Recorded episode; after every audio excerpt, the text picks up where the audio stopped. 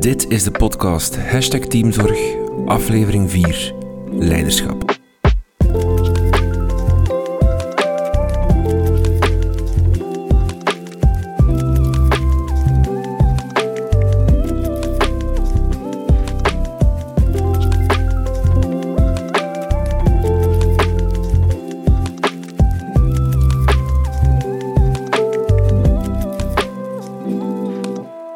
De gemeentelijke basisschool Sint-Joost aan Zee ziet directrice Lies Rubbens dat de leerkrachten een enorme werkdruk ervaren. En dat heeft een impact op hun welzijn. Als leider wil zij dit veranderen, want vele jaren was zij de sturende leidinggevende. Het crisismanagement tijdens de corona heeft dit alleen nog maar versterkt. Maar hier wil ze vanaf. Ze wil de leerkrachten meer autonomie geven en de betrokkenheid verhogen. Ze wil naar een gespreid leiderschap. Want Elise en haar team zijn ervan overtuigd dat wanneer er meer gewerkt wordt van onderuit, er meer autonomie heerst en er een grotere feedbackcultuur ontstaat die een positieve impact zal hebben op het team. Ze zien meer gedragenheid, meer verantwoordelijkheid, meer doelgerichtheid. Successen worden zichtbaarder en leerkrachten werken in een open sfeer. Er ontstaat goesting om van elkaar te leren. Ook als schoolleider krijgt Lies meer zuurstof en ruimte om in de begeleidende rol te staan.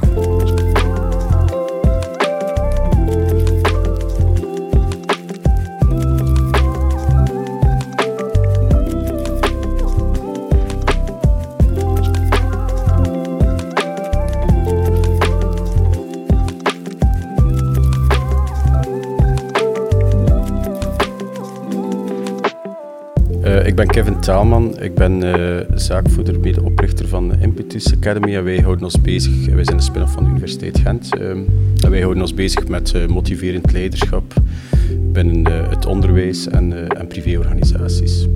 Als schoolleider kan het behoorlijk uitdagend zijn om leraren dag in dag uit te motiveren en te begeesteren.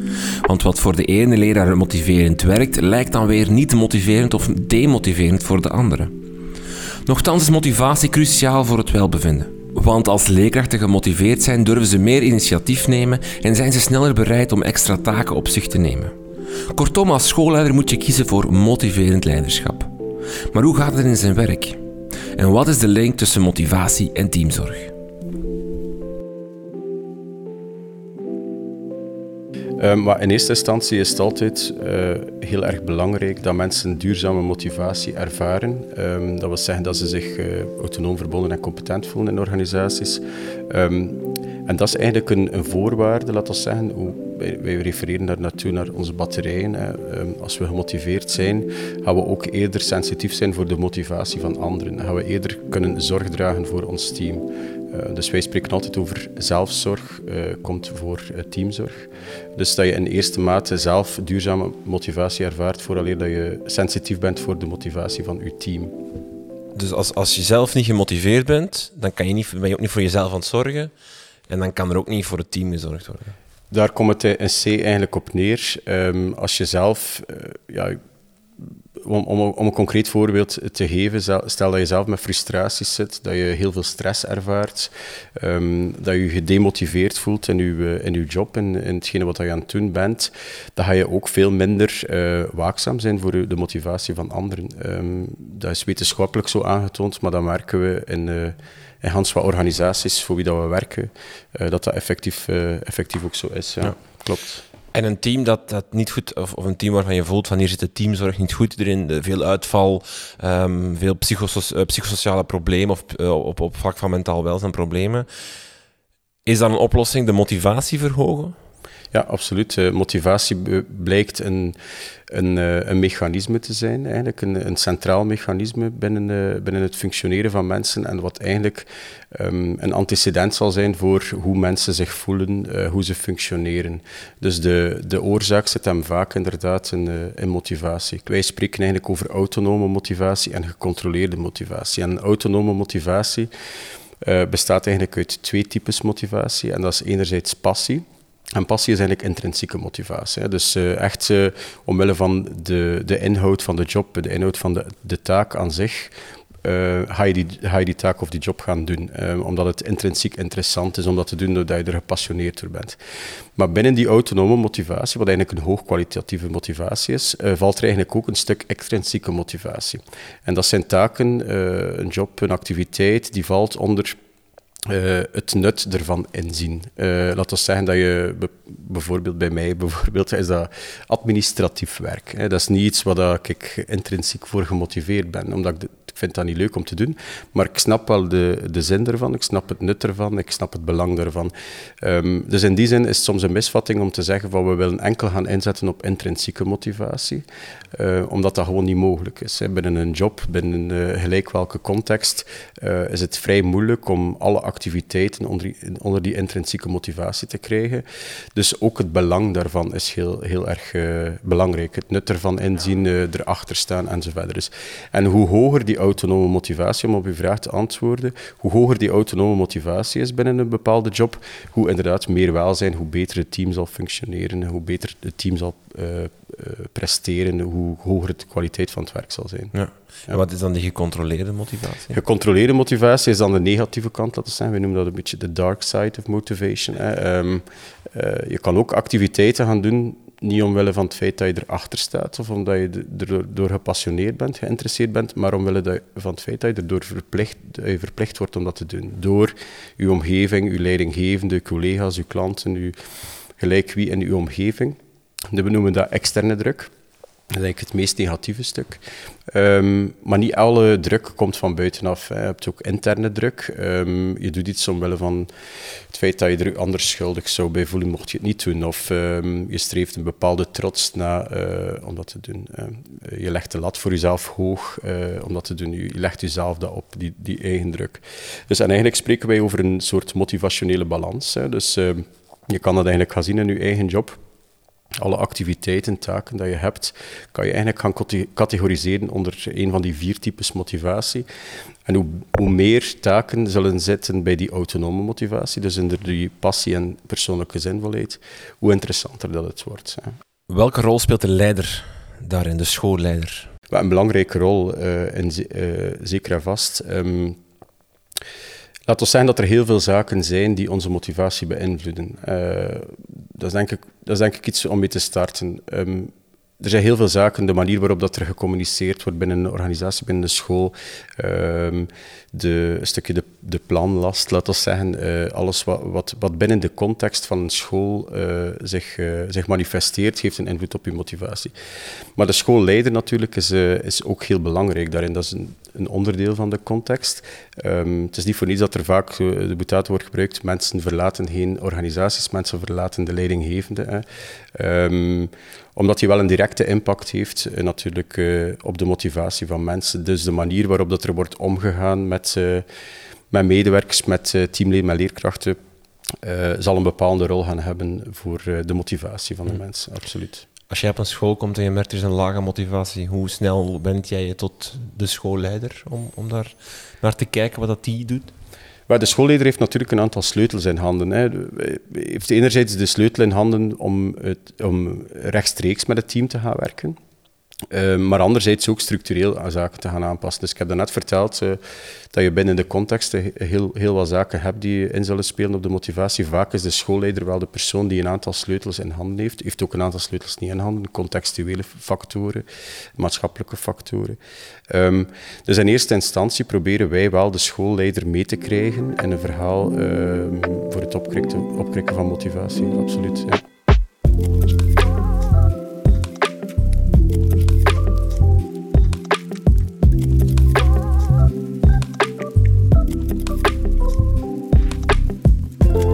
In eerste instantie, eh, ABC staat inderdaad voor autonomie, verbondenheid en competentie. Die betrokkenheid, uh, betrokkenheid is eerder een, een, een, effect dat je krijgt. Um, maar um, speelt een heel belangrijke rol. Wat eerst en vooral, ik heb net verteld over motivatie, dus hoe, hoe belangrijk dat motivatie is, dat je de verschillende types motivatie in hebt. Hoe krijg je nu mensen meer in die uh, autonome motivatie? Wij noemen dat trouwens ook goesting. um, om het, wat bevattelijker, ja, om het wat bevattelijker te maken. En de gecontroleerde motivatie noemen we motivatie, omdat dat vanuit een moeten is. Um, maar wat is de link tussen die twee? Dat is eerst, eerst en vooral belangrijk te begrijpen. Um, het ABC, dus uh, autonomie, verbondenheid en competentie, um, zijn eigenlijk uh, de bouwstenen, laten we zeggen, de motor van motivatie. Dus dat betekent eigenlijk dat we vergelijken dat vaak met onze, onze batterijen. Hoe meer die zijn opgeladen, um, hoe meer we in die goesting, die autonome motivatie zullen gaan zitten. En de leidinggevende dan, die, die speelt in op, die, op de ABC. Net zoals die andere contextuele factoren inspelen op de ABC, kan hij of zij uh, iemand uh, meer autonoom doen voelen, meer verbonden en meer competent uh, door de manier waarop hij of zij leiding gaat geven. Dus als iets bijvoorbeeld aangevoeld wordt als externe druk, bijvoorbeeld een, een formulier dat je moet invullen, ik ga nu een super concreet voorbeeld geven, en je probeert daar eigenlijk één van die drie elementen, ofwel autonomie aan toe te voegen, ofwel verbondenheid aan toe te voegen, ofwel competentie. Bijvoorbeeld, je zou kunnen zeggen van je, je, mag dat formulier invullen hoe je wil en wanneer je wil. Autonoom, kies maar zelf of je dat doet dan gaat dat, dan gaat dat opschuiven meer naar de autonome motivatie. Gaat meer als goesting aanvoelen dan als externe druk. Zou het niet beter kunnen uitleggen, inderdaad. Uh, het, is, uh, het is zo, wij spreken uh, vaak over een motivational shift. Hè. Dus het voorbeeld dat je heeft, is een, is een voorbeeld van een motivational shift, waarbij dat je eigenlijk een bepaalde taakactiviteit gaat doen die onder externe druk valt. Het is verplicht. De leidinggevende zegt van, je moet dit zo gaan doen, voilà, en that's it. Um, je krijgt een motivational shift wanneer er rationale wordt gegeven aan die taak, bijvoorbeeld. Hè. Uh, het waarom van die taak. Waarom is dat zo belangrijk en waarom doen we dat? En ik heb net verteld over die persoonlijke zinvolheid. Hè. Dan gaan, als mensen begrijpen waarom een bepaalde taak wordt gevraagd, een bepaalde activiteit wordt gevraagd, dan gaan we daar ook meer gaan achter staan. En dat komt dan eigenlijk onder je autonome motivatie. Een ander voorbeeld, zoals dat je heeft, inderdaad, is keuze gaan aanbieden, daarover in dialoog gaan gaan. Van oké, en waarom is, de, is, dit bijvoorbeeld moeilijk of uh, wat, wat, eh, is daar lastig aan om daar erkenning aan te geven? Hè? Rationale erkenning, uh, inspraak, keuze, dat zijn allemaal zaken eigenlijk die ervoor voor kunnen helpen, of die, die, die eigenlijk die motivational shift kunnen gaan teweegbrengen, absoluut. Ja. Ik wil even, nog even stilstaan bij die A, de autonomie, want dat vind ik misschien de minst duidelijke van de twee. Verbondenheid en competentie. Competentie wil zeggen uh, mensen zich laten voelen dat ze, dat ze, dat ze iets kunnen, dat ze, dat ze, dat ze uh, ook, ook kunnen tonen wat ze kunnen. Verbondenheid, ja, met elkaar in verbinding staan. Maar die autonomie, ik hoor daar, ik hoor daar heel hard in van dat ik mijn eigen, ja, dan ga ik het negatief formuleren, dat ik mijn eigen zin mag doen.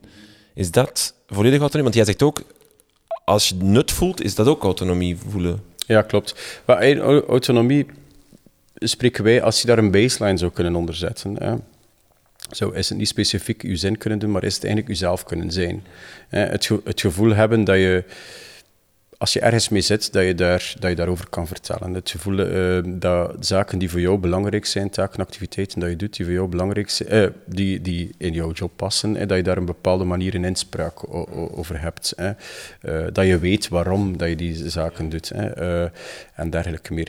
Je volledig je zin kunnen, kunnen doen, ehm, ja, dat, laat ons zeggen dat dat niet echt uh, de, de invulling van autonomie is. maar het is als je jezelf kan zijn, als je een taak moet doen die je niet begrijpt waarom je die moet doen, dan ben je niet jezelf. Dan ben je iets aan het doen wat eigenlijk iemand anders doet, wat je zelf nooit zou doen. Ja, je, je kiest er zelf helemaal niet voor. Maar als je het nut voelt, als, als, je het nut wordt uitgelegd, zegt, ah ja, god, dan kan je er wel bewust voor kiezen. Het, ah, oké, ja, ja, daar, dat sta ik achter, dat wil ik doen. En dan ben klopt. je jezelf. Ja, klopt. Zowel het voorbeeld van die administratie dat ik daarnet geef, ja, uh, je zou er zelf niet voor kiezen, maar als je het nut ervan van begrijpt, uh, je weet dat het belangrijk is, uh, kies je er zelf wel mm, voor. Mm, um, ja.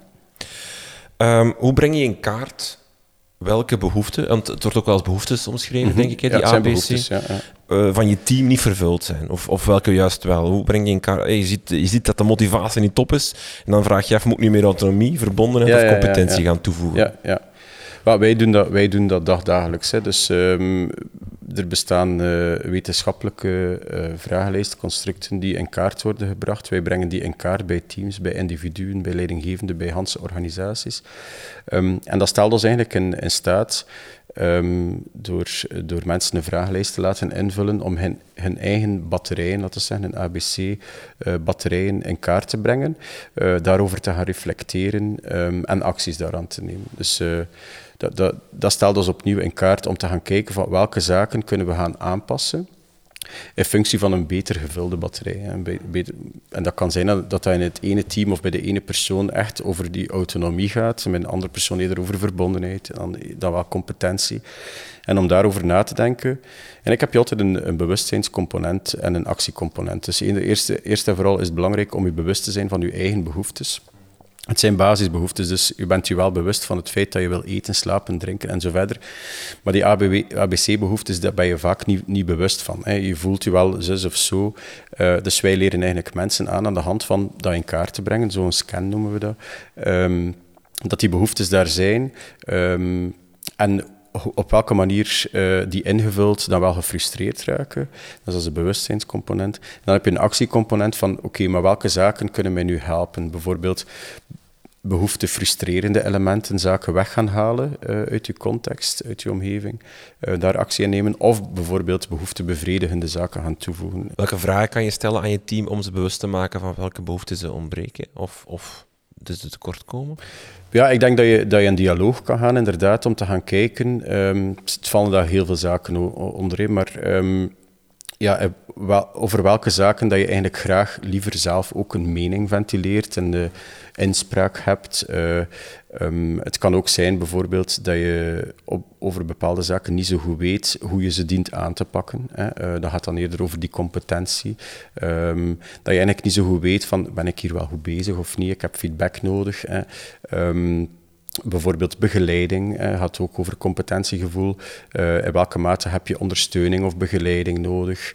Um, en die verbondenheid gaat dan inderdaad uh, is iets makkelijker te begrijpen naar de verbinding met de, met de collega's, met de leidinggevende, uh, met de leerlingstudenten en dergelijke meer om daar in dialoog over te gaan.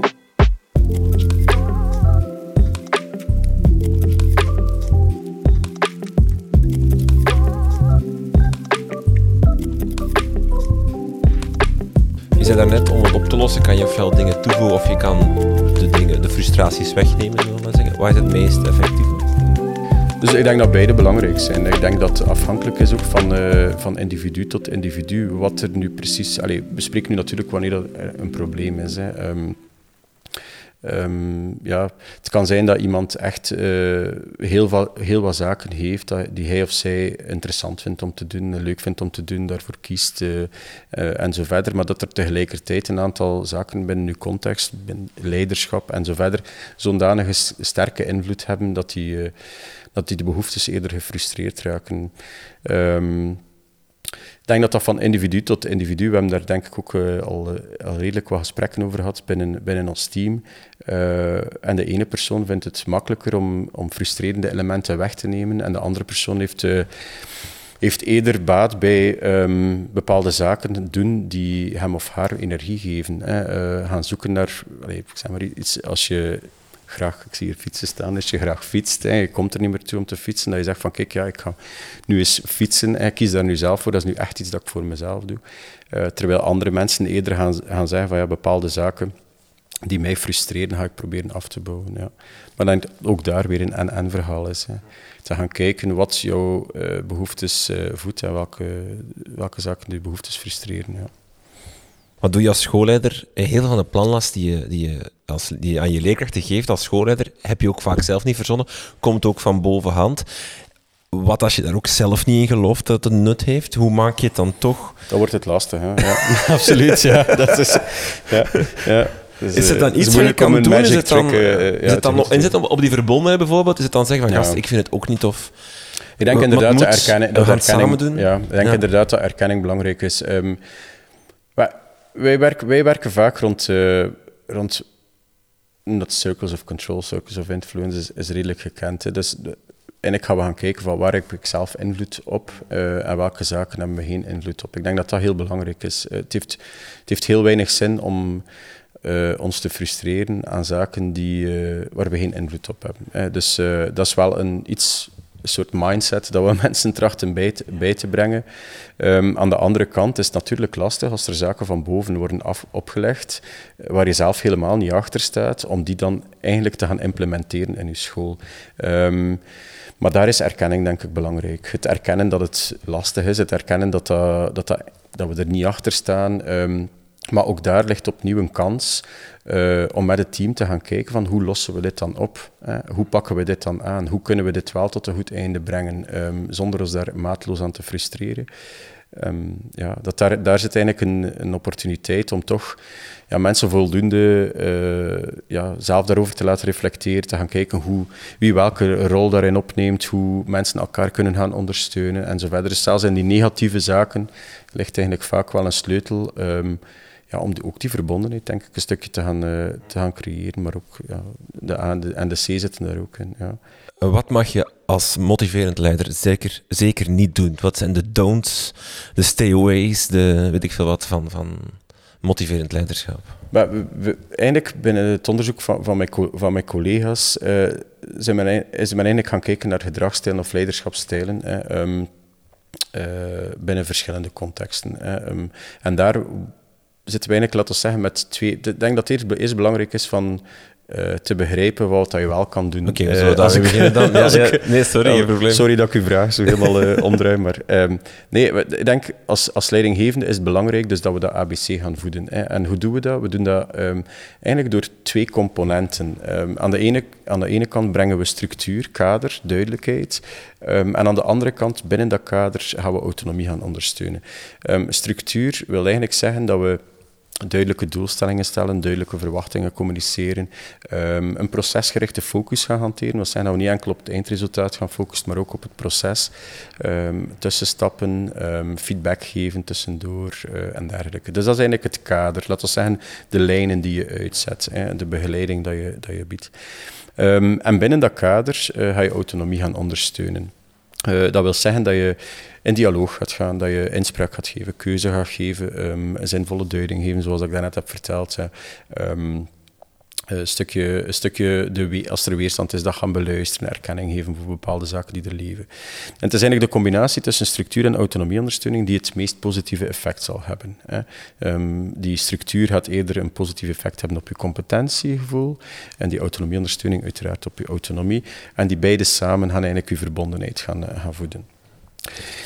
Nu, dit gezegd zijnde, um, sommige uh, mensen hebben misschien eerder de neiging om heel veel structuur te gaan bieden, um, maar tegelijkertijd een stukje verzaken aan die uh, autonomieondersteuning. Die balans uh, lijkt mij heel moeilijk. Ja, die balans twee zijn precies een tegenovergesteld. Ja, Allee, dat lijkt inderdaad wat ja. tegenovergesteld en het is net die, die, combinatie en dat maakt eigenlijk leiderschap eigenlijk het moeilijkste, hè, om, om net die, die juiste balans te gaan vinden. Omdat dat bij bij, dat kan afhangen van persoon tot persoon natuurlijk, van situatie tot situatie uh. Maar je kan bijvoorbeeld heel sterk structurerend zijn, heel duidelijk doelstellingen stellen, heel duidelijk uh, verwachtingen stellen en zo verder. Maar een stukje verzaken naar die autonomie door weinig, weinig te gaan, beluisteren wat iemand nu zelf belangrijk vindt, uh, welke keuzes of inspraak bijvoorbeeld men, men graag zou hebben.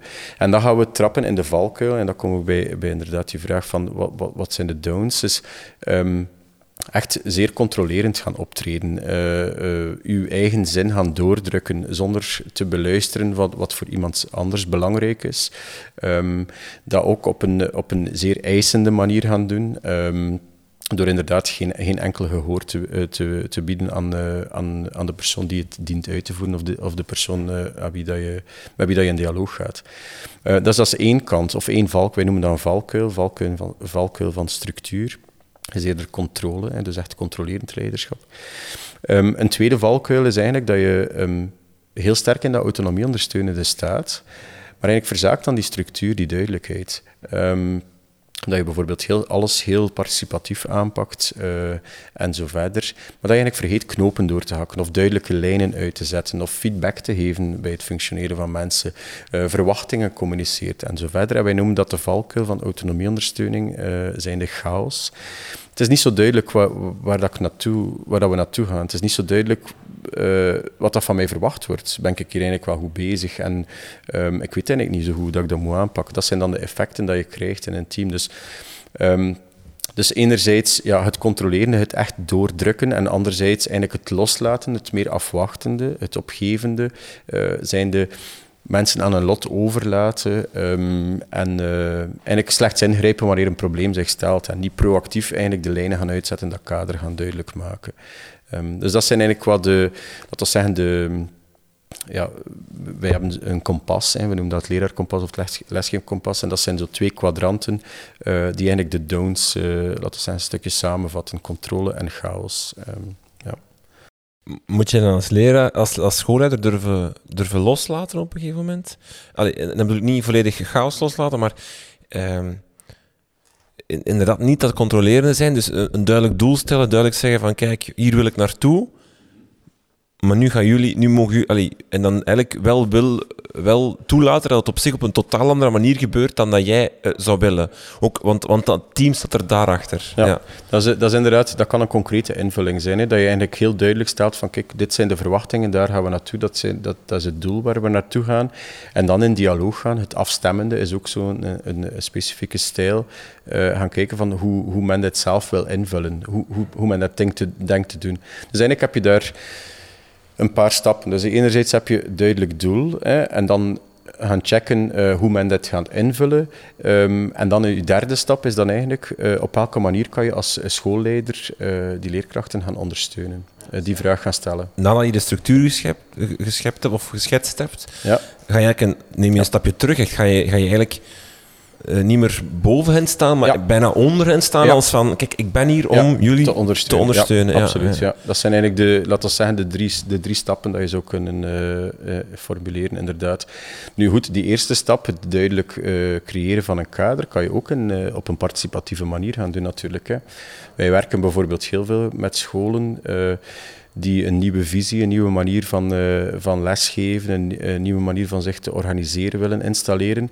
Maar we maken daar een participatief project van. Hè. Dus dat we eigenlijk samen dat kader gaan uit uh, gaan. Um, gaan uitvinden, gaan uittekenen, uh, waardoor natuurlijk de gedragenheid binnen het lerarenkorps veel sterker wordt dan wanneer de schoolleider zelf eerst dat kader gaat uitzetten. Maar de risico's natuurlijk dat het uh, in plaats van heel verhelderend een stukje eisend over kan komen. Hè. Dus, um, maar ook daar, maar het is wel belangrijk dat dat kader daar is en dat dat ook wordt opgevolgd door die schoolleider. Hè. Dat, dat, dat, ook telkens, dat dat eigenlijk telkens de toetssteen is van waarbinnen we werken. En dan inderdaad um, mensen zelf de autonomie gaan geven uh, om dat te gaan invullen, uh, om dat aan te pakken zoals uh, men dat zelf eigenlijk het beste oogt. Um, en om dan eigenlijk te kunnen rekenen terug op die schoolleider wanneer ondersteuning nodig is. En het is inderdaad juist, in plaats van u boven het team te staan, is eigenlijk u onder het team te staan. Ik zeg dat veel, als je kijkt in een organisatie of in een school, hoe kunnen we het beste, het beste werken? Als je het in een piramidesysteem ziet, is die piramide gaan omdraaien. Hè, te gaan kijken van op welke manier kan ik, kan ik gaan ondersteunen. En dat kan ondersteunen zijn in in het, duid, het duidelijker schetsen van doelen, uh, verwachtingen, maar dat kan ook zijn in het begeleiden, feedback geven, in dialoog gaan en eigenlijk inspelen op de noden die er op dat moment zijn. Ja. Hoe breng je je eigen leiderschapsstijl in, in kaart? Want ik kan me voorstellen dat het soms voor jou misschien lijkt alsof je aan alle behoeftes voldoet, of dat jij zowel die structuur als dat participatieve doet, maar dat dat voor, de, voor je werknemers helemaal, helemaal niet lijkt. Ja, of ja ook niet echt is. Dat je ja. wel eens vraagt van wat vind jij, maar dat daar niets mee doet of zo. Ja, maar ook daar hebben we een instrumentarium voor. Hè. Dus eigenlijk werken wij met een, uh, een situatiespecifieke vragenlijst. Dus we hebben dat binnen het onderwijs uh, voor leerkrachten, dus eigenlijk waarbij dat we de leraarstijl in kaart brengen. We hebben dat voor leidinggevende, waarbij dat we de leiderschapstijl in kaart brengen. Um, wat is de situatie-specifieke vragenlijst? Hè? Vaak is het zo, als je leiderschap bijvoorbeeld in, in eh, kaart brengt, ga je met items gaan werken. Bijvoorbeeld, ik geef inspraak aan mijn team. Uh, maar de vraag is dan natuurlijk, wanneer geef je inspraak en wanneer niet. Dus wij werken met een situatie-specifieke, wat veel fijnmaziger is, waarbij dat we 16 situaties voorleggen aan de leidinggevende en hen eigenlijk gaan vragen, um, ja, op welke manier ga je om in deze situatie, of ga je precies in deze situatie gaan doen. Dat kan een stukje hypothetisch zijn, maar dat, je hebt altijd wel een bepaalde voorkeur voor een bepaalde aanpak, een bepaalde actie. Um, maar net hetzelfde doen we natuurlijk met team. Dus je, je vult het eigenlijk als leidinggevende vul je het over je eigen stijl in, van hoe ga ik reageren. En we leggen dan eigenlijk diezelfde situaties aan het team voor en vragen van hoe gaat jouw leidinggevende, jouw schoolleider, gaan reageren in deze situatie. Um, wij mappen dat op een uh, soort spinnenwebdiagram, komt daaruit. En dan wordt het natuurlijk interessant als je die twee perspectieven op elkaar gaat leggen. En um, doorgaans zie je daar inderdaad um, sterktes in terugkomen. Hè. Um, waar is een bepaalde eh, schoolleider uh, sterk in? Uh, zie je daar ook eventueel blinde vlekken of valkuilen of groeikansen in? Um, en een tweede zaak is natuurlijk, ja, is er een discrepantie tussen hoe ik mezelf zie als schoolleider en hoe, mijn, hoe mijn team mij ziet? Um, En dat gebeurt uiteraard zeer vaak, zoals dat je zelf zegt. Is, ik, uh, ik wil bijvoorbeeld heel verhelderend zijn, wat een positieve uh, stijl is in, in ons kompas. Um, maar het komt zeer eisend over. En dan, ja, dan kan je er veel makkelijker wel de vinger op leggen. Um, of je gaat eigenlijk veel makkelijker kunnen gaan zoeken uh, wat, wat, je kan gaan doen, hoe je kan gaan groeien als schoolleider, door daarover in dialoog te gaan. Van hoe komt het eigenlijk dat ik eisend overkom, terwijl dat ik het eigenlijk wel gewoon heel verhelderend bedoel. Um, vaak zit dat dan bijvoorbeeld in taalgebruik, de manier waarop dat je bepaalde zaken communiceert. Um, of bijvoorbeeld dat je heel participatief wil werken, maar dat je eerder afwachtend, wat dan eerder demotiverend werkt, uh, overkomt. Hè. Ook daar ligt opnieuw, een, uh, ligt sleutel om in dialoog te gaan en te gaan zoeken naar wat heeft mijn team eigenlijk nodig om dat toch heel participatief te ervaren, uh, eerder dan afwachtend. Um, dus wij brengen dat in kaart en vanuit die scan, dus je hebt enerzijds het ABC en motivatie dat we in kaart brengen, uiteraard maar ook leiderschap, um, gaan we dan eigenlijk uh, samen met de leidinggevende, de, de schoolleider, gaan reflecteren van oké, wat, wat, leert mij nu dat? Wat herken ik daarin? Wat verrast mij? Waar wil ik heel specifiek op werken? Um, we, we, geven handvaten eigenlijk om in dialoog te gaan met het team. Om dan te gaan kijken welke stappen kunnen we gaan zetten als schoolleider. Welke vaardigheden kan ik extra gaan ontwikkelen? welke acties wil ik gaan nemen? Welke zaken wil ik mee stoppen, welke zaken wil ik echt gaan beginnen proberen te doen um, en op welke manier kunnen we dat gaan doen. En zo begeleiden we eigenlijk schoolleiders om meer, ons kompas bestaat uit de linker en de rechterkant. De rechterkant is dan eigenlijk het motiverende, de linkerkant zijn dan de valkuil. Om meer aan die rechterkant, uh, laten we zeggen, om meer de positieve stijlen, de motiverende stijlen te gaan hanteren, eerder dan de demotiverende stijlen.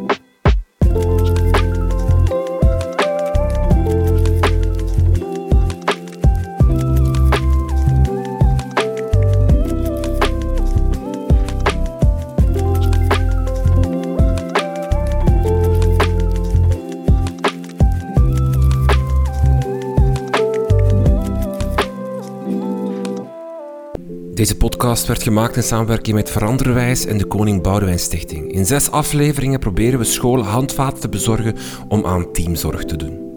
Voor deze podcast werd het boek Teamzorg is zelfzorg gebruikt als leidraad. In het boek geven verschillende experts hun invulling aan het begrip teamzorg. De redactie van het boek werd gedaan door Anne Martin en Geertrui de Ruiter. Je vindt een link naar het boek in de show notes van deze podcast. Meer info vind je op www.veranderwijs.nu of www.dekrijtlijnen.be.